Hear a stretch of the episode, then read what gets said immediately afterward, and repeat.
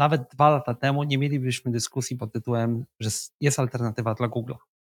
Natomiast jest to stąpanie po dosyć, no może nie kruchym lodzie, ale po dosyć mało określonej materii. Tak, tak. Loch Ness Yeti e, w końcu e, tajemnica zostanie wyjaśniona. I to właśnie Microsoft, e, taka ciekawostka, że to Microsoft tam bardzo ciśnie. Witaj w CDO Morning Brew, miejscu, gdzie dyskutujemy o faktach, trendach i wydarzeniach w świecie technologii, a raczej przedstawiamy nasze opinie o nich. Nasze opinie nie zawsze są poprawne, nie zawsze obiektywne, ale są nasze. Możesz się z nimi zgadzać lub nie, ale warto posłuchać. A my to ekipa CTO Morning, czyli Sebastian Gębski, Wojtek Ptak i ja, Tomek Onyszko. Zasubskrybuj nas na swojej platformie, poszukaj nas też na YouTube, a jeżeli Ci się to podoba, oceń nas i daj nam gwiazdkę w swoim ulubionym programie do podcastów. Zapraszam.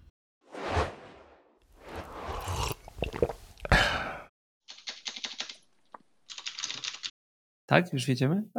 Jedziemy, jedziemy. Dobra. Cześć, e, nowy rok 2024, pierwszy brew 2024, coś tam naważymy, naważymy, a dla wszystkich, żeby wam tam rok naważył, jeszcze chyba można, nie? No jak najbardziej. Mieliśmy o tym ostatnio dyskusję kulturową z kolegami międzynarodowo, e, kiedy można, kiedy już nie można. Podobno jak się pierwszy raz widzi, to można, e, więc jak kogoś zobaczę w czerwcu, to przetestuję. Zobaczymy, czy wyląduje na jakimś mental. Właśnie, ostatnie Bru nam mocno poleciało, czyli ludzie lubią podsumowania roku, tak wam powiem. Zróbmy jeszcze jedno. I... Dobrze, ej, nie ma sprawy. Teraz Za który rok takie... w takim razie tym razem? Za 2024, zróbmy na początku. E, to jest w ogóle dobry pomysł e, w sumie. Ale dzisiaj lecimy trochę bardziej ustalonym torem. E, dla tych, którzy są pierwszy raz, przez przypadek tu wpadli, Tomek Onyszko, Sebastian Gębski, Wojtek Ptak. Spotykamy się tutaj, żeby pokomentować, przedstawić opinię poszydzić. i punkty widzenia, poszydzić e, na świat, e, wydarzenia, trochę dookoła technologii, ale nie zawsze, ale przeważnie.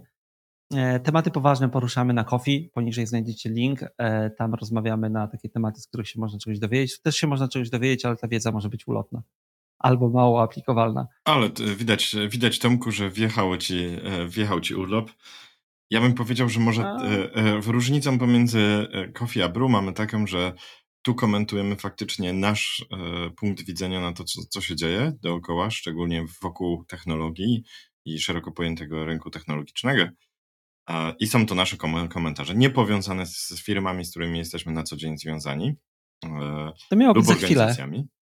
Ale widać od razu, kto tu jest na C stanowisku. Nie, nie widać, kto tu, wiesz, pr pracuje, a nie odpoczywa. E, I na pewno, i co? I na pewno mamy kilka ciekawych tematów. Ale zaczynamy od tak, czegoś innego. E, disclaimer, e, nadal nie mamy prawnika, not an investing advice. Wszystko to opinie nie naszych pracodawców, a nasze. To lecimy. Początek roku, początkiem roku, ale tam się dużo dzieje. O zwolnieniach to może za chwilę. E, bo to zawsze przykry temat. Snacks. Co znaleźliśmy, przeczytaliśmy, wygrzebaliśmy e, od początku roku. Ciekawostki. Sebastian, chyba warto zacząć od ciebie, bo wiem, tak, wiem co tak masz tam przygotowane.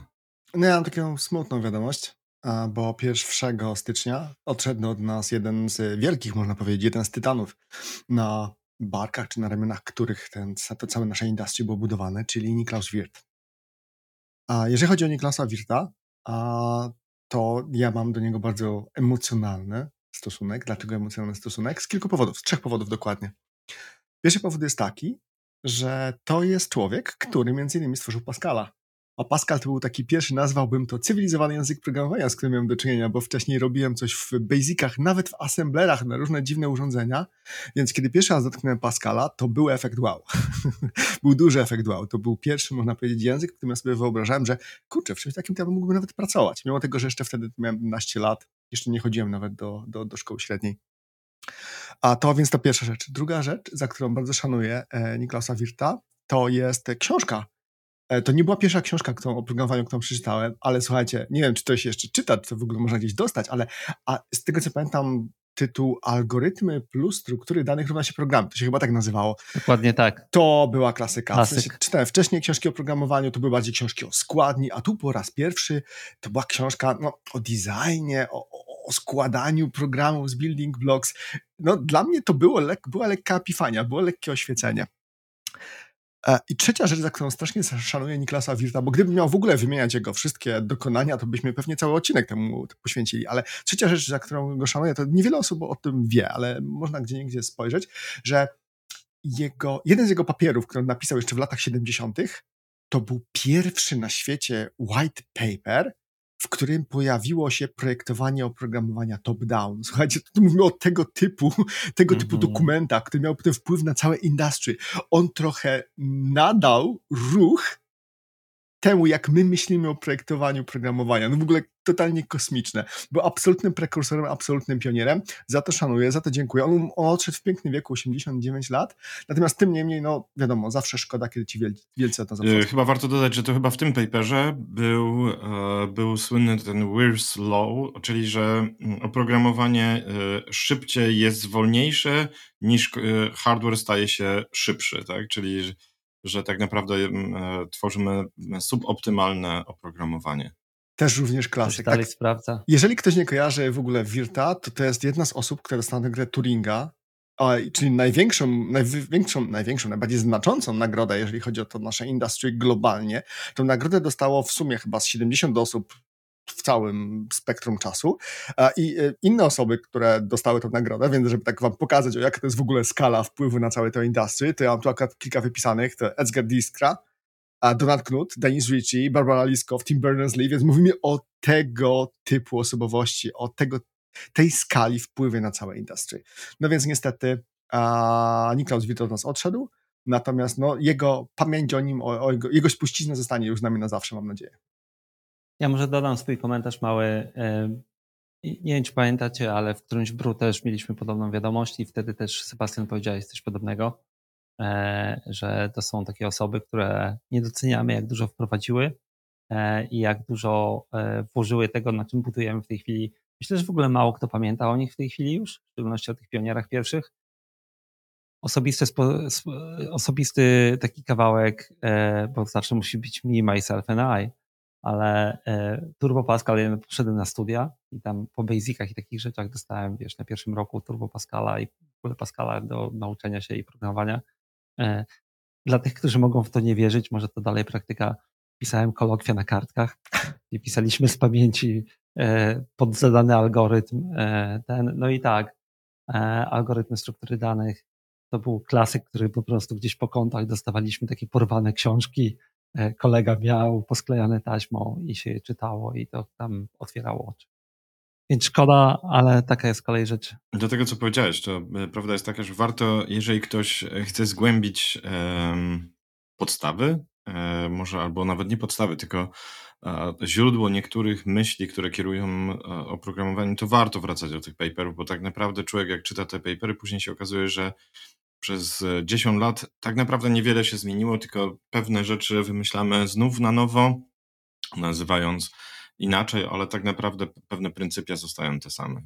Nikolas, e, e, Boże, Nassim Taleb e, nazwał to Lindy Effect i on się często sprawdza. Wiedza się dewaluuje, ale często są takie rzeczy, które po prostu jak długo się je czyta i się okazuje, że ludzie je dalej czytają, dalej czytają, to znaczy, że one warto sięgnąć, nie? Nawet te książki. Ja może wygrzebię, ale Simon Wardley, którego czasami przywołuję, on ma taką listę książek, które e, opisują cloud computing i one mają e, tam 60 lata na wydaniu, nie? E, Także no dobrze, tutaj oddajmy pamięć i takich newsów będzie więcej, ale faktycznie to są tacy ludzie, którzy zmienili industry, to są ludzie, którzy, krótko mówiąc, ruszyli igiełkę. Move the needle forward. Ja wskoczę z jakimiś pro, innymi newsami, kompletnie tro, trochę nadrabiałem, bo byłem tak jak Wojtek powiedział na wakacjach, czyli na nartach a, i, i nadrabiałem. Wyłapałem kilka takich ciekawostek nie, niekoniecznie dookoła IT, ale jedna e, zwolnienia idą mocno na początku roku. O tym mówiliśmy w naszym podsumowaniu i w przewidywaniach, ale właśnie nawet dzisiaj rano wpadł mi tutaj podsumowanie. Etsy 11%, Duolingo 10%, Bolt 29%, Google, Unity, Amazon, Amazon Prime, Twitch i tak dalej, więc e, no to będzie ciekawy rok.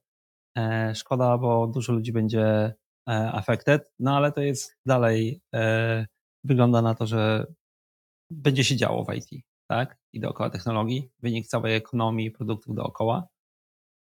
A jeżeli jeszcze mam coś polecić z takich finds z tego tygodnia, już kiedyś polecałem w zeszłym był chyba Lynn Alden i jej książkę Broken Money.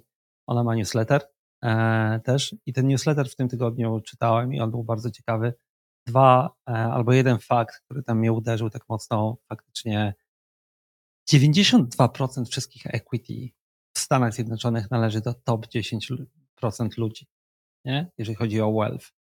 E, I tam jest ciekawy fragment, w szczególności, który dotyczy tych tech, e, jak na to wpływa i jak to kształtuje, że większość wynagrodzeń execs w Stanach jest wypłacana w equity. E, I ono tam nawet to pokazuje i to jest, to też jest ten 75% earning, znaczy income dla top exec jest wypłacane w equity. Na rynek jest kompletnie inny. Dla porównania w Europie to, to jest 30% według niej, przynajmniej według tych danych, które ona podaje. E, to jest ciekawe, bo to jest różnica, która wpływa na myślenie według mnie. E, I tak czytałem, czytałem i patrzyłem, to będzie miało wpływ na to, jak ten rok będzie też wyglądał i wszyscy zresztą o tym mówią, nie? E, dostępność kapitału, VC, startupy i tak dalej, to wszystko będzie krwawiło ze względu na ekonomię. Zobaczymy. Dobrze, to teraz ja przejdę do czegoś innego. Ja znowu miałem też e, taką chwilę, żeby usiąść i nadrobić zaległości moją listę. E, I to była lista przede wszystkim, e, wrócę, bo w tym odcinku będzie mało AI, natomiast, albo przynajmniej w takim AI, jak dotychczas rozmawialiśmy. I faktycznie, Patrzę na listę tematów, nie do końca. Usiad, usiadłem, słuchajcie, do, do kilku paperów i z takiej dużo paperów ostatnio się pojawiło, więc dużo się dzieje, tym bardziej, że mieliśmy właśnie kilka konferencji bardzo znaczących. A więc e, kilka takich top, które sobie wylistowałem, które mnie zaciekawiły i myślę, że będą wpływały na jakoś na przyszłość. Znaczy może jeden, który będzie wpływał na pewno na przyszłość nam bliską, to jest Wave Coder.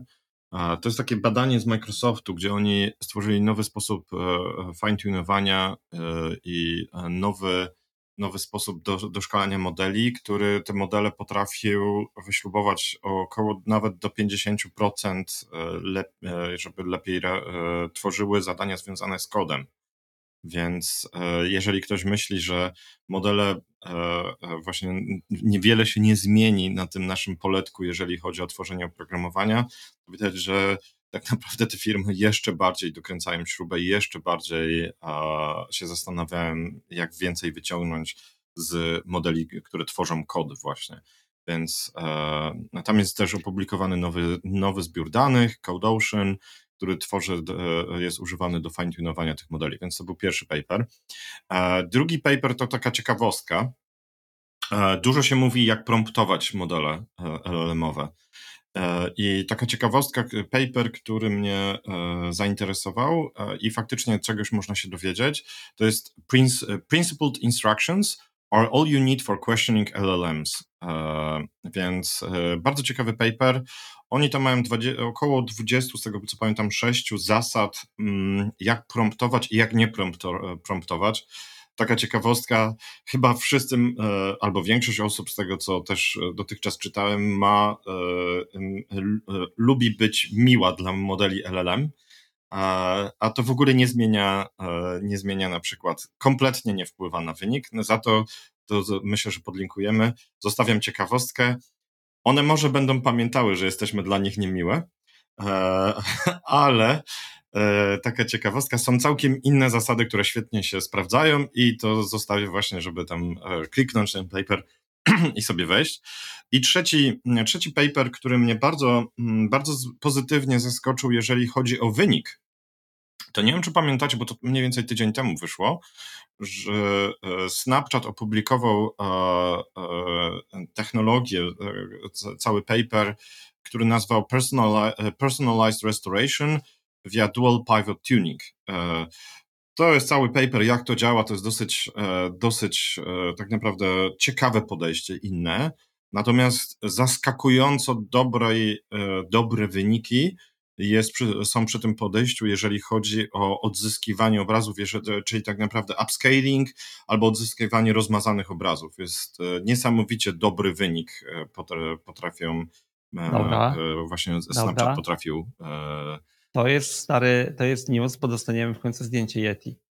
E, istnieje szansa i kilka jeszcze innych. Potwora Ness. Tak, tak. Loch Ness Yeti e, w końcu e, tajemnica zostanie wyjaśniona. Wiesz co, dwa słowa komentarza tylko do tego, co powiedziałeś. Ja trochę słuchałem sobie podcastów e, ze względu na wolny czas i akurat jak zaczyna się pojawiać taki sceptycyzm co do wyniku AI, Gen AI, e, wpływu takich, wiesz, na użytkowe, to z O którym też mówiliśmy, dodajmy. tak, to z jednym wszyscy się zgadzają, że w przypadku kodowania jednak ten gain będzie. I to, co powiedziałeś, to jest trochę ciekawe. I to właśnie Microsoft, e, te- taka ciekawostka, że to Microsoft tam bardzo ciśnie, więc e, Tak, no dlatego, że ma swój stake do ugrania. E, dobrze, zanim przejdziemy dalej, to jeszcze w ramach takich newsów, nie wiem, widzieliście Rabbit AI? To takie małe kwadratowe urządzonko. Tak, małe to. tak, tak. No, Jakbyście mieli, jakbyście mieli szybko powiedzieć kit or kit, flop, Ja przyznam szczerze, aż tak bardzo się nie wczytałem w niego, więc... Zacytuję Co? Sapkowskiego. Okej, zobaczymy. Zacytuję Sapkowskiego. Jak to powiedziała królowa Cero, e, piękna Cero do króla Wridanka w noc poślubną. Ciekawa rzecz, ale czy ma jakieś zastosowanie praktyczne? Właśnie się e, zastanowiłem nad faktem, że czy znasz Sapkowskiego w pamięci. Ale dobrze, zostawię to. Istnieje e, szansa, że tam jest zakładka, słuchaj, e, z, z cytatami na każdą okazję. Zobaczymy. E, Rabbit AI, dla tych, którzy nie widzieli, ja tam podlinkuję, to jest ktoś wyszedł z takim urządzeniem dedykowanym dla AI, kolejnym, tylko to z ekranikiem, kamera i tak dalej, który e, teoretycznie jest użytecznym asystentem. Ja mam swoją opinię, ta opinia jest niezbyt przychylna do tych urządzeń, znaczy ich przyszłości. E, są łatwe do zabicia, no ale zobaczymy. E, strasznie e, pytałem się tylko dlatego, że widziałem kilku ludzi takich na przykład jak Tobi Lutke, tego typu, nie? którzy mówili wow, to jest ten device, nie? i zaczęło się pojawianie, zaczęło się porównywanie do pierwszego iPhone'a i tak dalej, a ja tego nie widzę, więc gdzieś się mylę albo mam rację. Jak zauważycie, to bardzo ciężko w ogóle wyjść z takim produktem, który faktycznie zatrzęsie całym rynkiem. To już jest naprawdę, naprawdę trudne.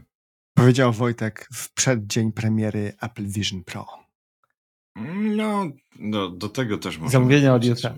Jestem bardzo sceptycznie nastawiony. Jakoś nie widzę ludzi, w, w, słuchajcie, chodzących w okularach. Wrócimy, wrócimy. Może się mylę. Słuchajcie nas za, za miesiąc.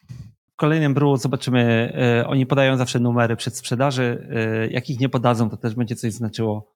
E, zobaczymy. Dobra, to były snaki i inne znaleziska. E, co mamy na główne danie? Pierwszy temat, myślę, do którego e, e, będziemy chcieli nawiązać i e, porozmawiać, to no, dzieje się e, rzecz historyczna, można by powiedzieć, na naszych oczach, ponieważ e, InVision e, zamyka się, tak? Czyli jest ogłoszone już, że bodajże chyba w lecie dokładnie a InVision za, zostanie zamknięte. Z końcem roku. Z końcem roku, przepraszam cię, dobra. E, W, w, tak, w lecie jest e, migracja do inne, innego produktu. I e, jest to historyczny, historyczny moment. Jest to na pewno narzędzie, znaczy co to jest za narzędzie, tak? Jest to narzędzie UX-owe. Jeżeli, a, mm, jeżeli pracujecie z produktami, to wiecie, że e, designerzy mają swoje ulubione narzędzia, w których projektują właśnie produkty, prototypują, można z nich stworzyć właśnie też klikalne prototypy i tak dalej, i tak dalej. Tak? Czyli to jest ten, mm, tego typu ze- zestaw narzędzi. I jeżeli ktoś e, był na rynku już na przykład, e, może nie jeszcze 10, ale na pewno 6-7 lat temu, to pamięta, że InVision absolutnie królowało i było numerem, absolutnym numer, numerem jeden, jeżeli chodzi o narzędzia. Do tego stopnia, że otarło się nawet o e, przejęcie InVision przez Adobe, bodajże za 20 miliardów dolarów wiele, wiele lat temu. A to się tam rozpadło. Tam, e, Ta już... kwota się pojawia tak jakoś w tych przejęciach Adobe. Tak, tak. No, Adobe lubi, lubi mięsne kąski. No właśnie, i teraz za- zachęcam nas do rozmowy, co to się w ogóle podziało i co się dzieje na tym rynku, bo ten rynek jest jednak dosyć, nas, można by powiedzieć, e, jest dosyć nasycony. Tam są produkty, które faktycznie królują. Co myślicie? To jest bardzo ciekawy temat, bo będzie to miało bardzo duże implikacje nie tylko i wyłącznie na ten jeden rynek. Bo tak, żeby wszystkim dać, bo nie każdy jest UI UX designerem, więc nie każdy może czaić w ogóle, jak to jest duża firma i, w ogóle jakiego, jakiej dużej skali wydarzenia mówimy. E, No to jest firma, która jest e, na chwilę obecną warta ponad miliard. Jeszcze pewnie, czyli już nie po tym ogłoszeniu, ale była w piku warta 2 miliardy. Ona była unicornem chyba w 2017 roku. Podniosła w sumie ponad 300 milionów chyba dolarów, jeżeli W chodzi o samym finansowanie. 2017 podniosła 100 milionów dolarów, tak? Czyli Dokładnie, to, mówimy o ogromnych kwotach. do unicorna. Tak, tak, tak. A, to jest y, i teraz jaki jest z tego wniosek? E, No wniosek z tego jest taki, że my tu nie mówimy o firmie, która była jakimś outsiderem, tylko o takiej, która w pewnym momencie była liderem, ale i cały czas była też poważnym graczem.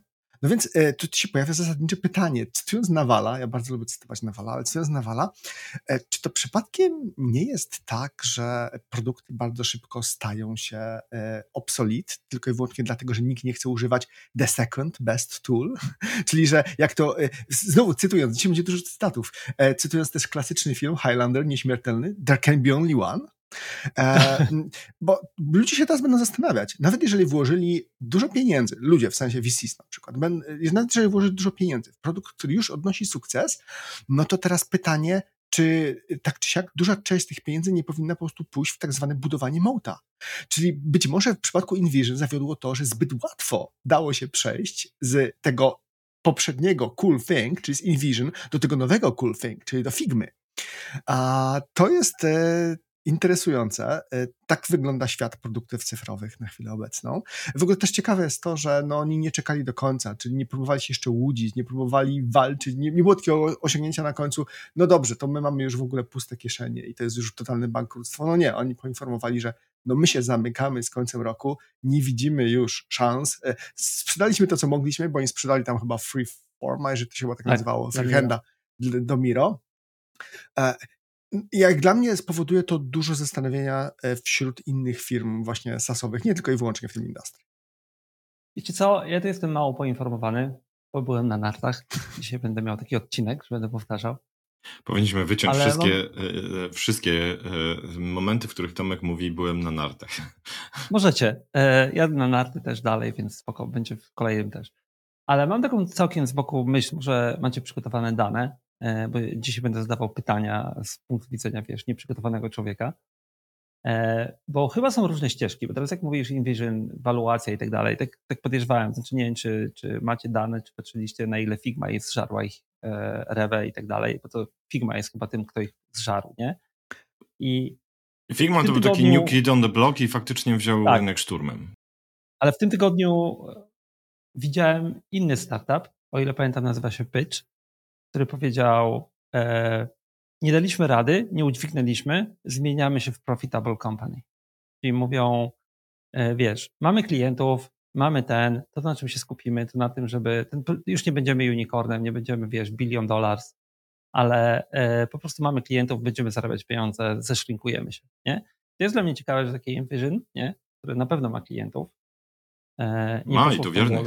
że tak, że okej, no to dlaczego się zamykają, nie? To znaczy, wiesz, nie spełnili oczekiwań VC, to rozumiem, nie? No ale dalej to jest produkt, którego ludzie użykają, używają po prostu pewnie, nie? To jest Więc dobre to jest pytanie. ciekawa dynamika tego e, rynku. To jest bardzo dobre pytanie i tutaj dla osób, które nigdy nie, e, myślę, Potem że nie nigdy nie tłumaczę. interesowały się, jak działa rynek VC, właśnie Mhm.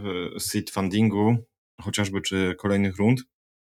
Każda runda jest podnoszona na pewnych warunkach. No i właśnie niedowiezienie tych warunków e, powoduje bardzo poważne konsekwencje.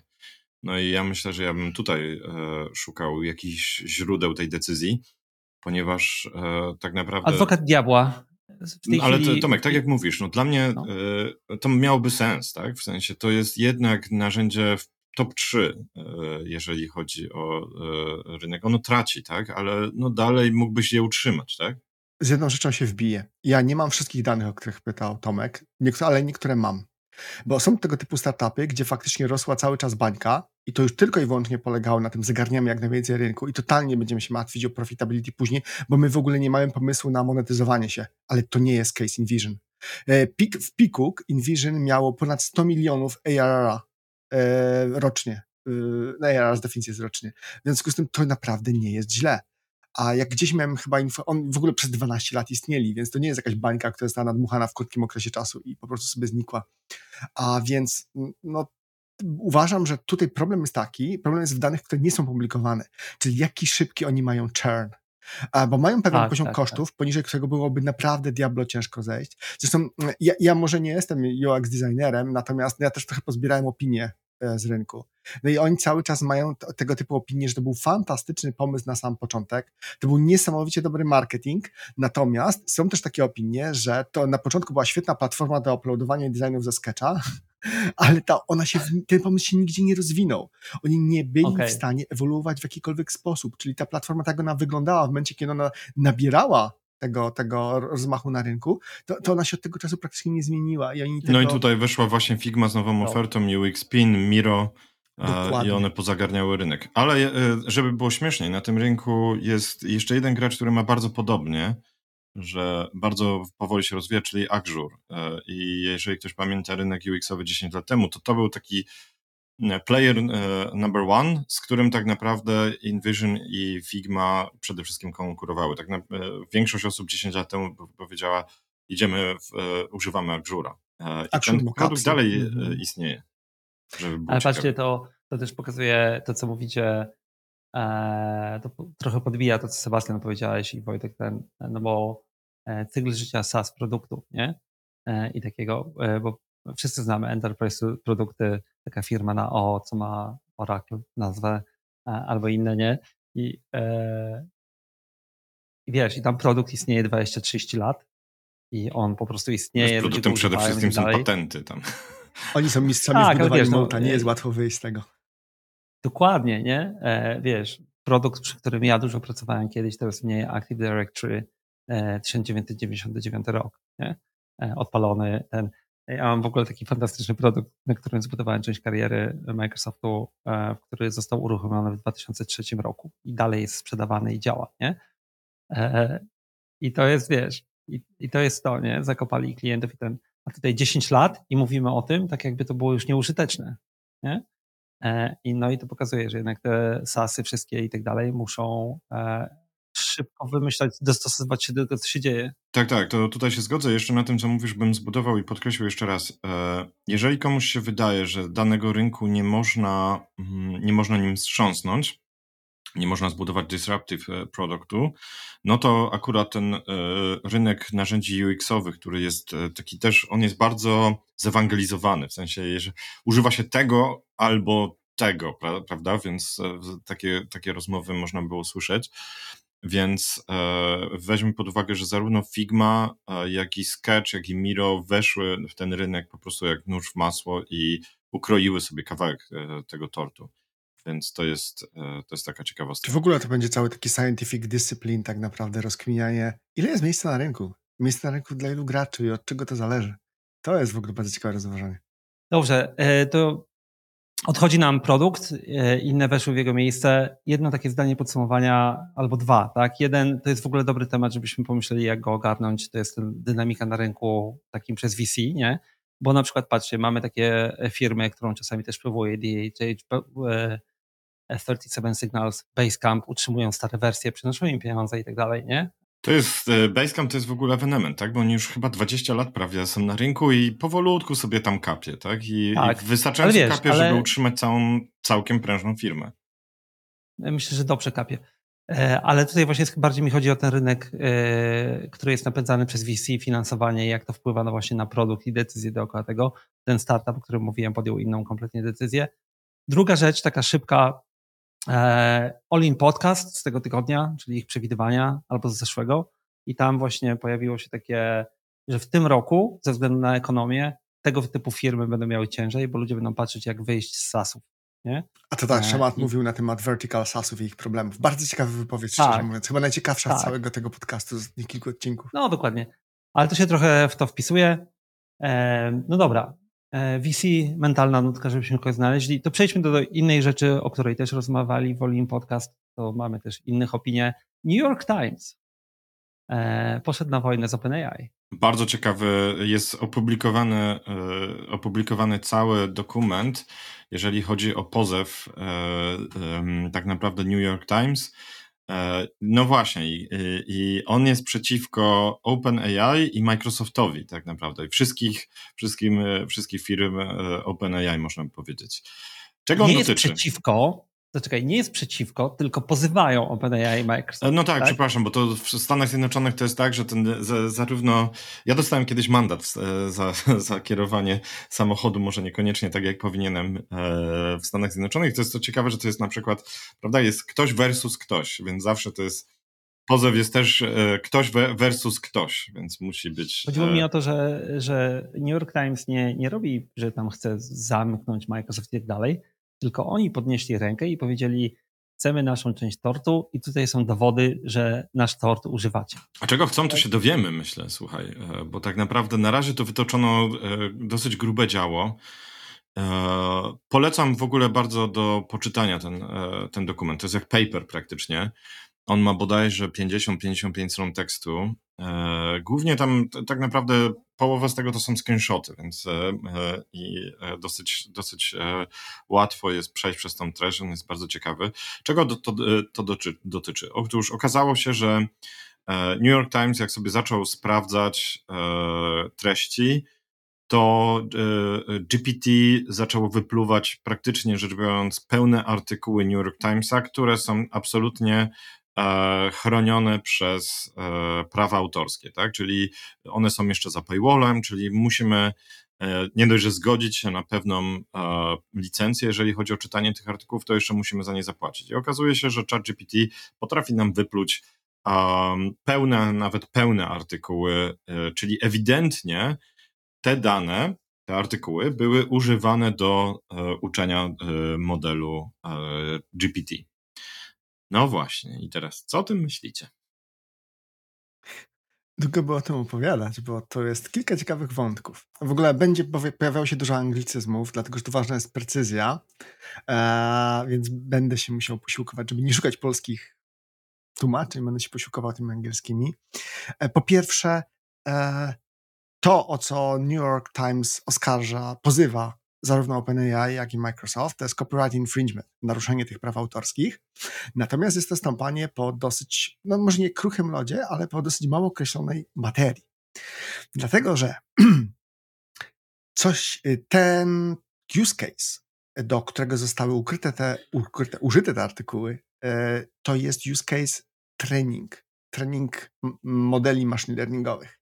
I ten use case bezpośrednio w żadnym stopniu przez prawo nie jest pokrywany, nie jest wspominany. Bo go nie było. E, I e, tu już pojawia się argumentacja, że przecież jeżeli ty, Wojtku, na przykład wykupisz sobie subskrypcję, przeczytasz sobie całe archiwum New York Timesa, a mówimy tutaj o, e, nie wiem, o 1800 przynajmniej któregoś tam roku oni mają sobie to archiwum, to tak naprawdę wychodzisz z tą wiedzą i potem możesz je używać, możesz brylować na przykład rzucając cytaty, o ile oczywiście je pamiętasz. E, I niektórzy obrońcy łącznie tam z OpenAI, właśnie modeli machine learningowych i prawa do trenowania modeli machine learningowych, twierdzą, że tu nie ma żadnej różnicy. To jest dokładnie tak samo, że model się uczy, a potem tych danych używa. To jest jeden z, z, z, jedna z argumentacji, która jest podnoszona. A żeby dodać tu jeszcze trochę pikanterii, to e, jeżeli chodzi o takie teoretyczne rozważanie tych, tych, tych, tych oskarżeń, to nie jest pierwsze oskarżenie, e, które zostało wytoczone przeciwko OpenAI. E, na chyba najciekawszy, tak króciutko tylko się do niego odniosę, jest tam ten pozew chyba 17 autorów, którzy zbiorowo pozwali, chyba nie tylko OpenAI, ale ogólnie dostawców modeli. Tam się z najbardziej znanych nazwisk chyba był George Martin, a, a Jody Piku na przykład, George Grisham, e, John Grisham, przepraszam, Także trochę ich tam było. I oni z kolei, e, tam w ich dokumentacji e, tego pozwu był przykład, jak dawali prompty, e, w których prosili o napisanie fanfika. Czyli historii, która się dzieje na przykład w uniwersum Game of Thrones, e, gry o tron, i potem oskarżenie dotyczyło właśnie tego, że ten fanfic wygląda tak, jakby wyglądał kolejna książka napisana przez George'a Martina, dlatego że ma ten sam styl, jest nie, praktycznie nie do odróżnienia, a to rzeczywiście jest jedno z kryterium, które są brane pod uwagę przy mm, wykrywaniu plagiatów. Więc e, e, to, to znowu, to jest kolejne rozważanie idące troszeczkę innym torem, e, takie próbujące trochę mm, odpowiedzieć na pytanie, czy aktualne prawodawstwo, aktualne przepisy są wystarczające, żeby w ogóle odnieść się, czy łamane jest tutaj prawo, czy nie. Być może to prawo nie jest wystarczające i po prostu trzeba najpierw zmienić prawo, a nie próbować stosować prawo do case'a, który nie został tym prawem przewidziany. Wiesz co, to jest część tego, o czym kiedyś rozmawialiśmy. Prawo nie uwzględnia tego jeszcze. Nie? E, e, mówiliśmy o tym kiedyś też, że OpenAI napieprza, coś powiedziałem nie tak chyba, ale e, dla dzieci, ale krótko mówiąc, pędzi do przodu, zanim prawo zostanie ustawione, żeby uciec going forward po prostu, nie? Ja jak zobaczyłem ten, e, dlatego chciałem tu chwilę skomentować, bo jak ja zobaczyłem e, te przykłady i tak dalej, to się zastanowiłem nad jedną rzeczą. Na ile to wymagało właśnie tego, co powiedziałeś, czyli zmurzenia się nad promptem, który zwróci mi tekst New York Timesa, e, a na ile to jest przypadek taki, że ktoś, kto użyje po prostu ChatGPT dostanie ten fragment tekstu, nie? Czyli wiesz, na ile musisz wymyśleć prompt, który ci odda dokładnie treści z New York Timesa versus jak to się zdarzy dla zwykłego użytkownika. Wiesz co, to na to pytanie to częściowo jest odpowiedź, tylko nie wiemy na ile ona jest prawdziwa i to są tak naprawdę dwie Tam odpowiedzi. są prompty też, nie o ile pamiętam. E, Pierwsza odpowiedź to jest taka, że nie wiem Wojtek, czy ty patrzyłeś dokładnie na te prompty. Ja patrzyłem, no oczywiście nie na wszystkie, bo tego jest dużo, ale z tego co widziałem, to te prompty były po pierwsze strasznie proste, bo to była po prostu część artykułu i to było poproszenie o to, żeby, Żeby uzupełnić je dokończył, artykuł. dokładnie. Tak, I to tak, tak. część artykułu, to nie mam na myśli e, pięciu słów. Nie, nie. To był po prostu duży, nawet nie akapit, tylko pół strony. E, no i potem on dopowiedział całą resztę, więc to jest jedna rzecz. No tak, no ale to pokazuje tylko dokładnie to, co powiedziałeś, że dane treningowe tam były, nie? Bo jak pytasz się o dokończenie tekstu, no Wait to dostajesz dokończenie tekstu. My nie wiemy Nie. dokładnie o co on zapytał. My tylko Mhm. wiemy właśnie tą, tekst, ten, tą treść tego artykułu, ale nie wiemy, co było przed nią. To nie są całe prompty. A, okej. Przynajmniej ja nie widziałem, żeby to było. E, Tam jest jeszcze jedna rzecz, od razu e, e, tam jest jedną z rzeczy, która była duż, też dużą kontrowersją, dodajmy, bo to też nie jest tak do końca, że jeden z promptów zawierał dokładnie prośbę, że jest jeden tekst za paywallem e, i czy mógłby przedstawić e, pierwszy paragraf. E, On przedstawił dokładnie pierwszy paragraf, a później go poproszono o kontynuowanie e, tego tekstu i faktycznie, więc nie tylko, to, to faktycznie są dosyć proste prompty, ale na przykład to był ciekawy, ciekawy przypadek, bo e, tam nie było linku, tam nie było jakiegoś e, właśnie pierwszego paragrafu całego, tam było konkretnie tylko tytuł i powiedziane, że to jest New York Times za paywallem, czy możesz e, mi e, rozpisać ten paragraf, znaczy ten ar- artykuł.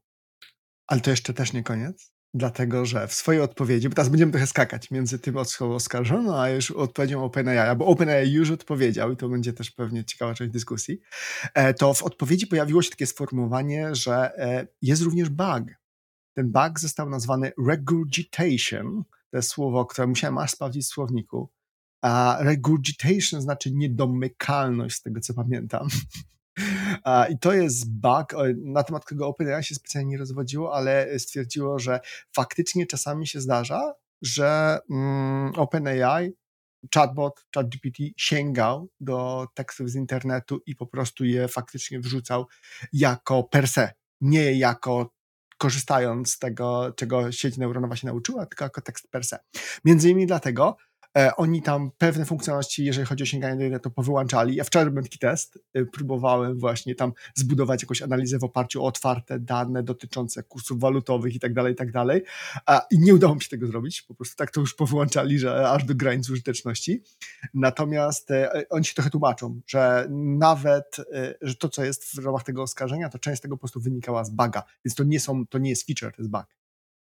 No i jeszcze zanim przejdziemy e, konsekwencje dla industry, tam jest e, jeszcze jedna ciekawa rzecz e, i dlaczego Microsoft się też pojawił w tym wszystkim, że oczywiście połączenie Binga i e, GPT spowodowało, że w Bingu do wyszukiwań prze, przecieka też e, zawartość artykułów chroniona e, licencją e, New York Timesa. Taka ciekawostka. To jest inny use case chyba kompletnie. To jest dokładnie część tego, e, e, tej sprawy tak naprawdę.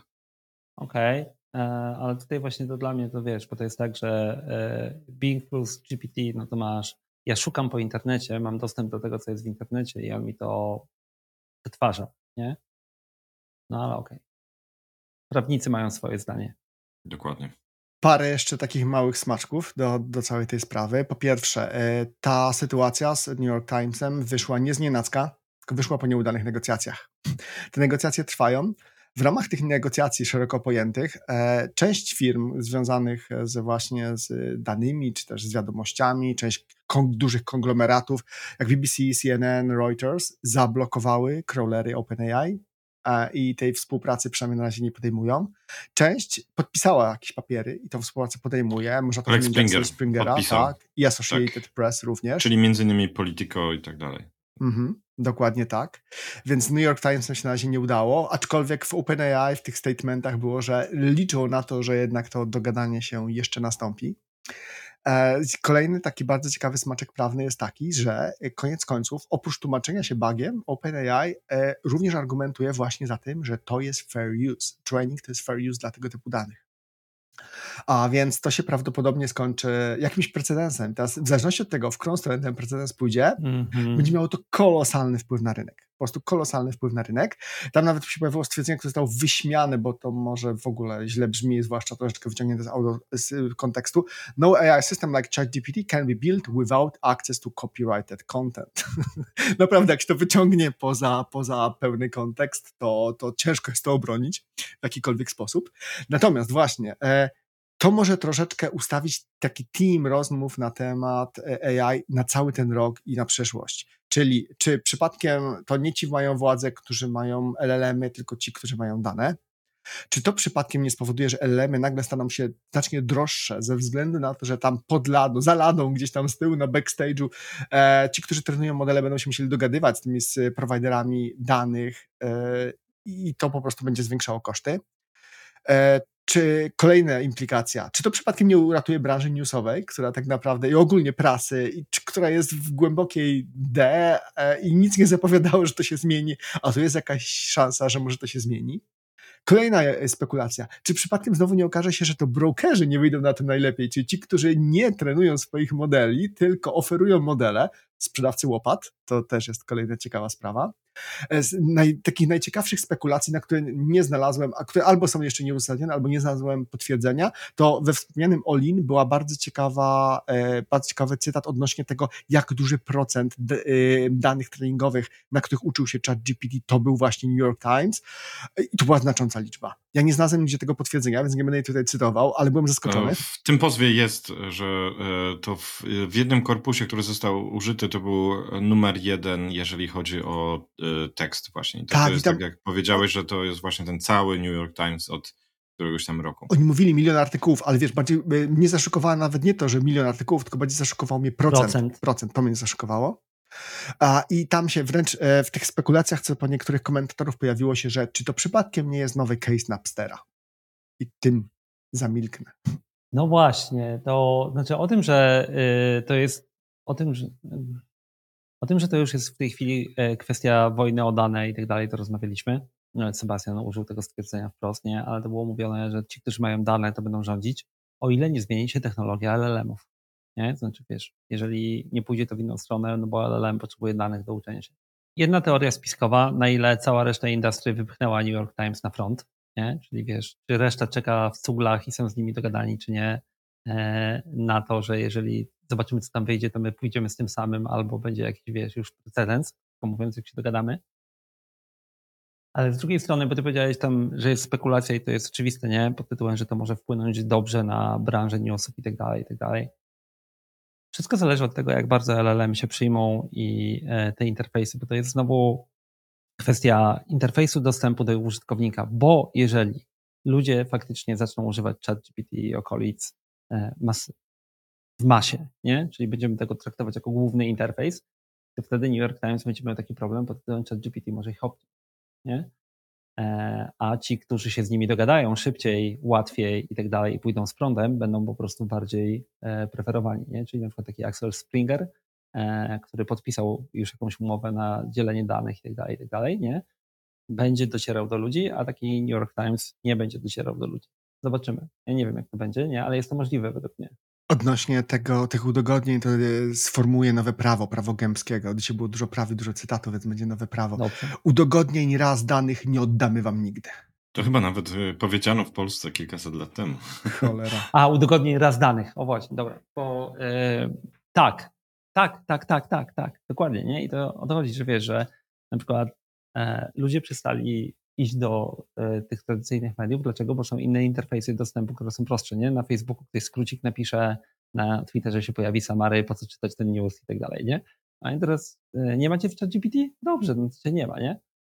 E, taka trochę z boku e, patrzy, no jednak e, zawsze jest follow the money. Ja mam na swoim jakimś tam wpisie e, ten, no bo nie pozywają Facebooka za lamę, nie pozywają kogoś, nie? Pozywają OpenAI, który po prostu ma dużo pieniędzy potencjalnie i e, jeszcze Microsoft za nim stoi, który ma jeszcze więcej pieniędzy do wyciągnięcia i do stracenia. E, więc to jest ten. Zobaczymy. Według mnie e, tak na szybko no to się skończy jakimś tam dogadaniem dealu po prostu między nimi.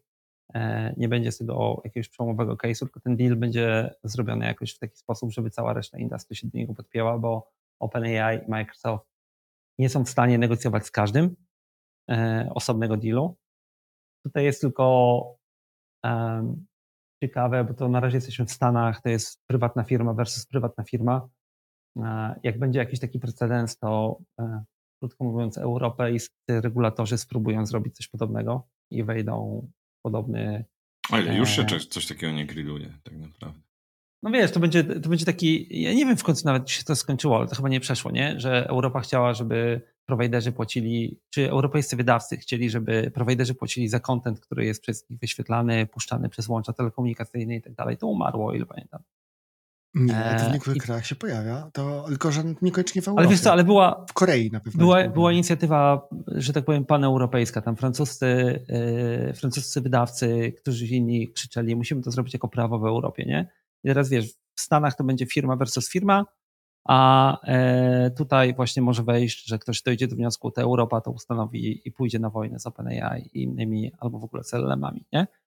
Pytanie, czy właśnie e, nie będzie ucieczki going forward. Na razie jej nie widać pod tytułem coś innego niż LLM-y. E, jeszcze zacytuję, mm, zacytuję też Olin Podcast, tam się pojawiła taka fajna sugestia, akurat wczoraj ich słuchałem biegając, więc mam to świeżo w głowie, że rozwiązanie może być takie, że po prostu będziesz dostawał treści z New York Timesa, jak będziesz miał subskrypcję New York Timesa, czyli e, jesteś użytkownikiem ChatGPT, chcesz dostać artykuł z New York Timesa, to musisz podpiąć subskrypcję, którą tam od nich kupiłeś, nie? co spowoduje, że ChatGPT będzie po prostu nightmare do używania, bo będziesz musiał podpinać wszystkie te subskrypcje, nie? E, I jak ja bym miał teraz kupić sobie każdą subskrypcję, żeby dostawać wyniki, no to po prostu bym się chyba tam pociął, pojedziemy I w może tu jest nie? miejsce właśnie na produkty oparte o GPT. e, I myślę, że Dokładnie. tutaj płynnie możemy przejść do, e, do takiej ciekawostki. Sebastian, jaki jest smaczek, który się ukazał właśnie w ostatnich dniach? To jest podwójny smaczek, bo jak ja się przygotowywałem, to był pojedynczy, ale już chyba dwa dni temu się pojawiło kolejne ciekawe ogłoszenie. Więc tak, y, firma Perplexity AI ogłosiła swoją kolejną rundę finansowania. To jest chyba runda B. Podnieśli w ramach niej ponad 73 miliony dolarów, co oznacza, że w sumie podnieśli już ponad 100 baniek. Oczywiście to jest firma działająca w ramach tak zwanych... Warto dodać od kogo, bo to też Ta, jest o to, tak, za chwilę do tego dojdę, bo ta lista jest niezła. Okej. To jest firma działająca w ramach tak zwanego Gen AI, czy sztucznej inteligencji, ale to nie jest firma, która buduje tradycyjne modele.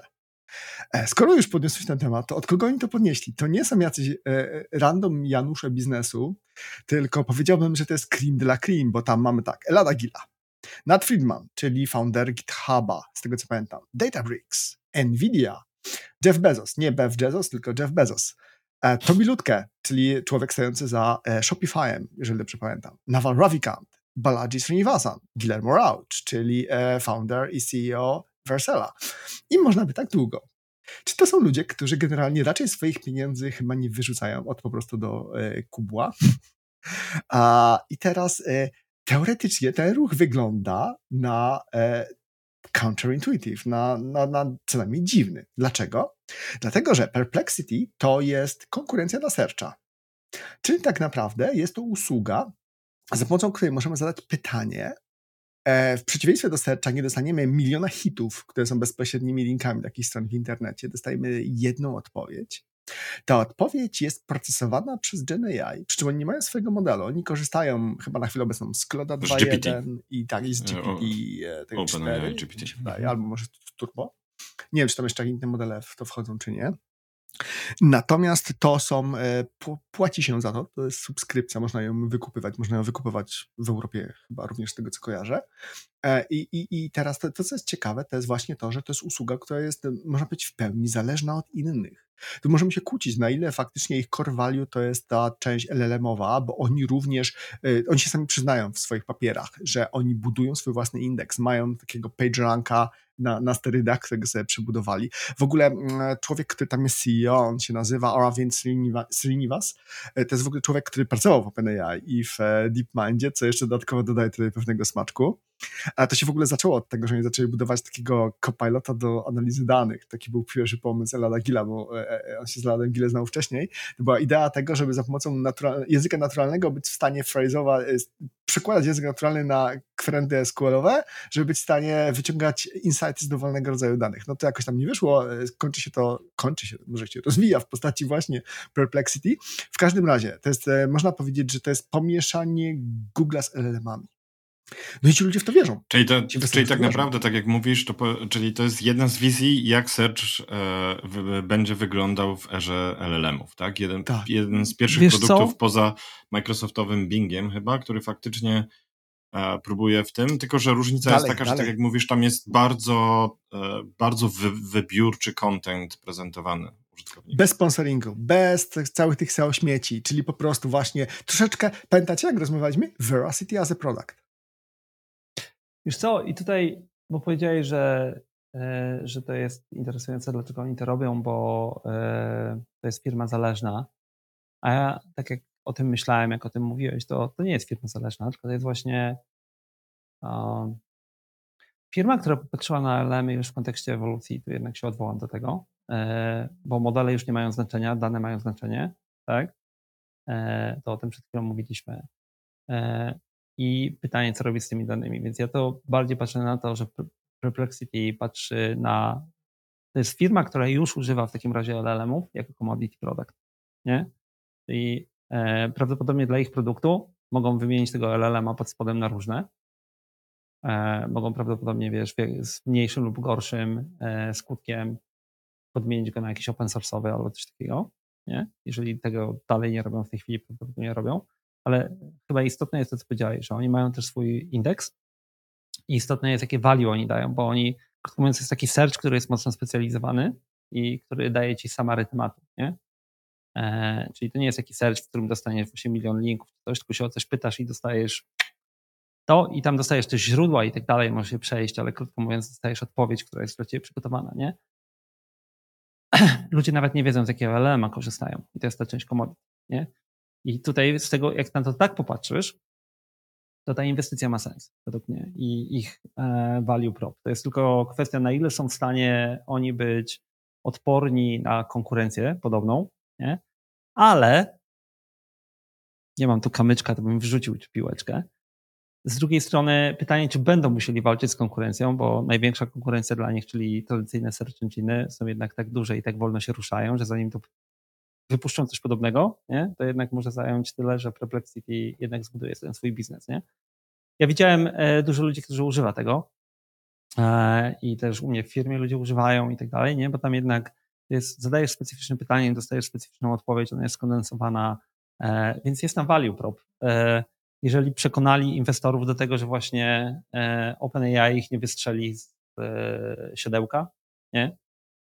że mają coś ponadto, to nie dziwiłoby mnie ta inwestycja. Właśnie chciałbym totalnie wiedzieć, czym oni przekonali, dlatego że po prostu zastanawiam się, bo na chwilę obecną value proposition jest naprawdę fajne, ale potencjalnie, jeżeli ta działka tortu zacznie się rozrastać, to czemu ktoś z dostawców LLM-ów nie mógłby ich zjeść? Czyli właśnie swój produkt rozwinąć w tym kierunku, biorąc pod uwagę to jeszcze bo tą zależność, zadusić ich Wiesz? również finansowo na przykład. A ja chciałem jeszcze jedno spojrzenie, jeszcze jeden punkt, słuchaj, widzenia, bo rozmawialiśmy o bardzo nasyconych rynkach, przy pierwszym punkcie naszym, słuchajcie, y, gdzie z jednej strony wszyscy myślą, że jest bardzo trudno o innowację, a z drugiej strony, y, jeżeli się uda, to jak widzimy, y, ustabilizowanie, ustabilizowanie graczy idą w pewnym sensie do piachu, tak? I chcę zwrócić uwagę, mówimy o rynku searcha, dokładnie rzecz biorąc, czyli Tutaj królem e, numer jeden absolutnym jest Google, tak? I zobaczcie, e, drugim e, jest oczywiście Bing i tak możemy iść. My też rozmawiamy, że używamy Kagi. Zwróćcie uwagę, że na pewno jest bardzo dużo, wiele prób jak uzdrowić ten rynek z, całego spamu, z linków sponsorowanych, wciskania właśnie tego kontentu sprzedażowego bokiem i tak dalej, i tak dalej. I ewidentnie są próby i według mnie e, Perplexity jest dokładnie tego typu próbą, jak przemyśleć ten search, zaproponować nowy value prop, tak jak mówisz Sebastian, żeby, ten, żeby stworzyć nową niszę, istnieje szansa, że właśnie to, co my widzimy i to, co tak naprawdę nie my, tylko ludzie, którzy e, włożyli te pieniądze, to że to może wystrzelić i to może być właśnie to. I ja wtedy bym powiedział, Tomek, do tego, co ty, ty tutaj zwróciłeś uwagę, że oni są uzależnieni. Myślę, że przy takich kwotach i przy takim e, fundingu, e, z, po pierwsze, niełatwo będzie ich wysadzić, bo tam na pewno pojawią się odpowiednie umowy. I kto wie, czy tak naprawdę to też nie jest win-win dla OpenAI, że e, gdzie będzie współpraca i dla Microsoftu, żeby było ciekawe. Oczywiście tam nie ma Microsoftu w ogóle e, nigdzie blisko, ale jest Nvidia.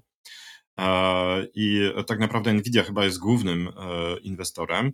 I jeżeli weźmiemy pod uwagę to, co się dzieje na rynku modeli open source'owych, to pytanie, czy tak naprawdę ten model to nie jest już tylko i wyłącznie tam jedna rzecz, którą możemy podmienić, bo cały value prop jest w tym, co Perplexity, właśnie to, co opowiadałeś, ten ich specyficzny nowy PageRank, tak? E, został stworzony. Właśnie. Bo patrzcie, to jest, bo to jest to. A, trochę myśląc też właśnie w kategoriach tam Evolution, e, ja podlinkuję dla tych, którzy nie znają od strony Worldly Maps i tak dalej, ale patrzcie na OpenAI. OpenAI e, jest już duże, E, ma produkt, który jest produkt. Musi Przebiło 100 milionów już... użytkowników oficjalnie. Tak, ale wiesz, ale ma swój produkt, tak który musi rozwijać, bo ich value prop jest produkowanie LLM-a i ChatGPT, tak? Perplexity jest bardziej jak, odpowiadając do OpenAI, to jest bardziej jak GPTs, GPTs nie? czyli tak dedykowany ten, nie? I teraz OpenAI wydelegowało to, akurat wczoraj odpalili store, nie? Czyli OpenAI wydelegowało robienie GPTs do, do, innych ludzi, to jest ich value prop, możesz zbudować swój GPTs, masz aplikację i tak dalej, więc Perplexity jest kolejnym GPTs, ale oni zrobili tego ten. Teraz OpenAI musi już walczyć z inercją, nie? Inercja pojawia się na kilku powodach. Jeden, poziomach. Jeden, który rozmawialiśmy, jest wystawiony na New York Times i innych. To jest to po prostu ich będzie zżerać, zajmuje im cykle i czas, nie?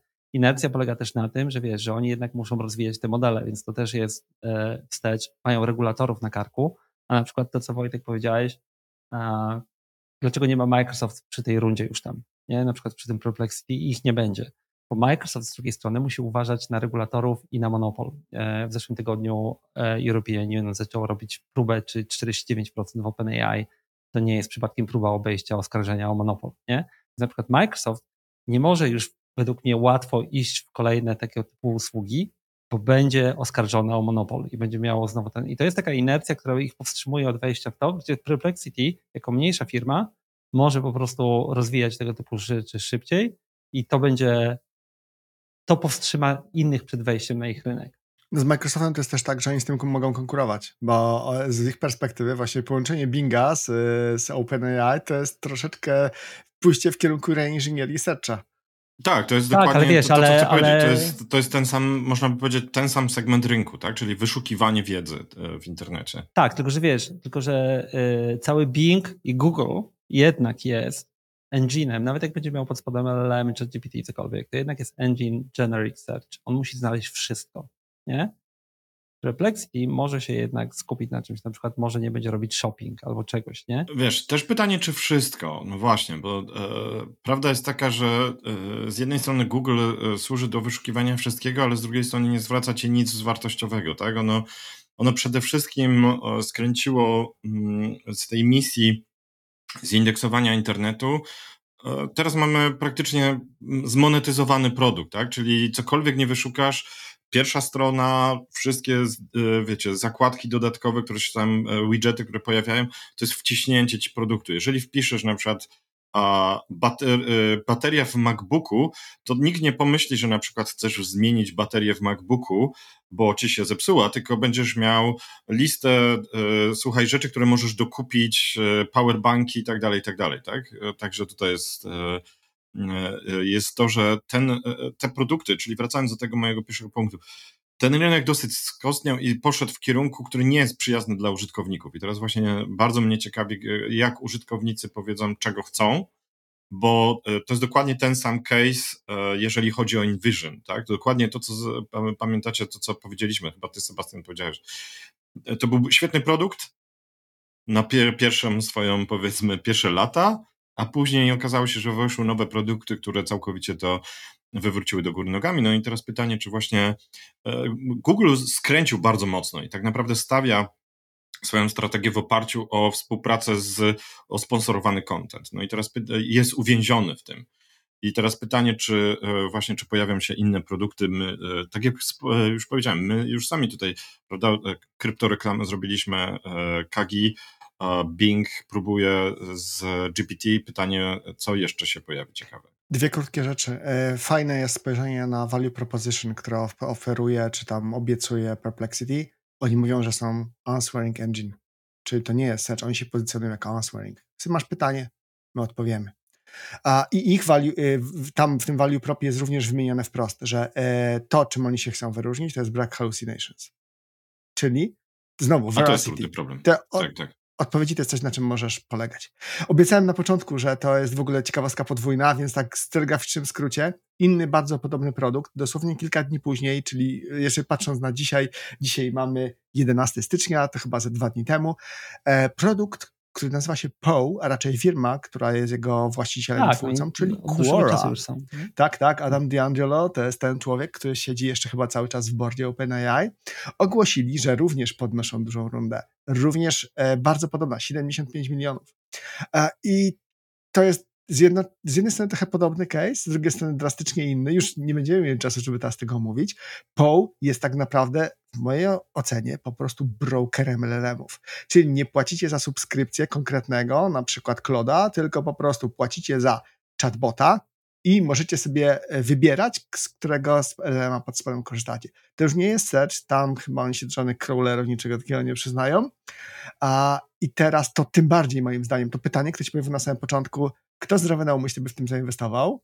Zakładamy, że to są zdrowi na umyśle ludzie, więc co jest under the hood? Jaki jest tak naprawdę powód, że w tego typu produkt, który wydaje się być fragile, który wydaje się być bardzo mocno zależny, e, decydują się zainwestować poważni ludzie? Zobaczymy. E, wiesz co, e, ja dwa komentarze do tego, co mówiliście. Najpierw do tego, co Wojtek powiedział. Czy faktycznie popatrzcie na to, że nawet dwa lata temu nie mielibyśmy dyskusji pod tytułem, że jest alternatywa dla Google. Nie? Czyli jednak Google jest under attack. To jest pytanie, jak odpowie na to, nie? E, a e, druga rzecz, ale to bardzo anegdotalne. Wiesz co, ja widziałem aplikacje, które są napisane przez takich indie developers, nie? E, które robią dokładnie to, że przykrywają complexity wykupywania subskrypcji i tak dalej, gdzie oni płacą po prostu za API calls, z ciebie biorą subskrypcję i tam ekonomia tego może działać, aczkolwiek e, wiesz, jeżeli to będzie w skali. Na krótkiej, wiesz, w krótkim czasie pewnie wiesz, ten produkt nawet komuś przyniesie jakieś. jakieś... Tak, aczkolwiek, yy, aczkolwiek takie podejście, jeżeli to jest ich podejście, jest o wiele bardziej podatne na potencjalne disruption niż takie właśnie perplexity. Nie? Więc bardziej bym wierzył w perplexity niż w POU, ale POU się mocno nie przyglądałem, a perplexity czasami używam. Pierwszy brew 2024 uważam za prawie zakończone. Czyli jeszcze raz e, wszystkiego dobrego w nowym roku. Tak. E, zajrzyjcie do całej listy, tam miałem podsumowanie, kilka rzeczy się wydarzyło e, w zeszłym roku jednak. Też jest Coffee, na którym rozmawialiśmy o przyszłości. To też warto zajrzeć. No cóż, panowie, lecimy dalej i Widzimy się. Ciekawe, co przyniosą kolejne tygodnie. Myślę, że będzie ciekawe, bo skoro to były. Oj. Te, te dwa tygodnie na całym świecie to jest jednak pauza, a dużo się działo, tak? Więc zobaczymy, co, co, się będzie działo w najbliższych tygodniach i miesiącach. Ja przypomnę, że rok temu o tej porze, pierwszy kwartał, jeżeli chodzi o Gen AI, to w ogóle był wybuch e, wszystkich e, firm. Pojawiło się także świetne modele, jeżeli chodzi o grafikę, więc ja cały czas czekam na to wideo. Zobaczymy, co się będzie działo.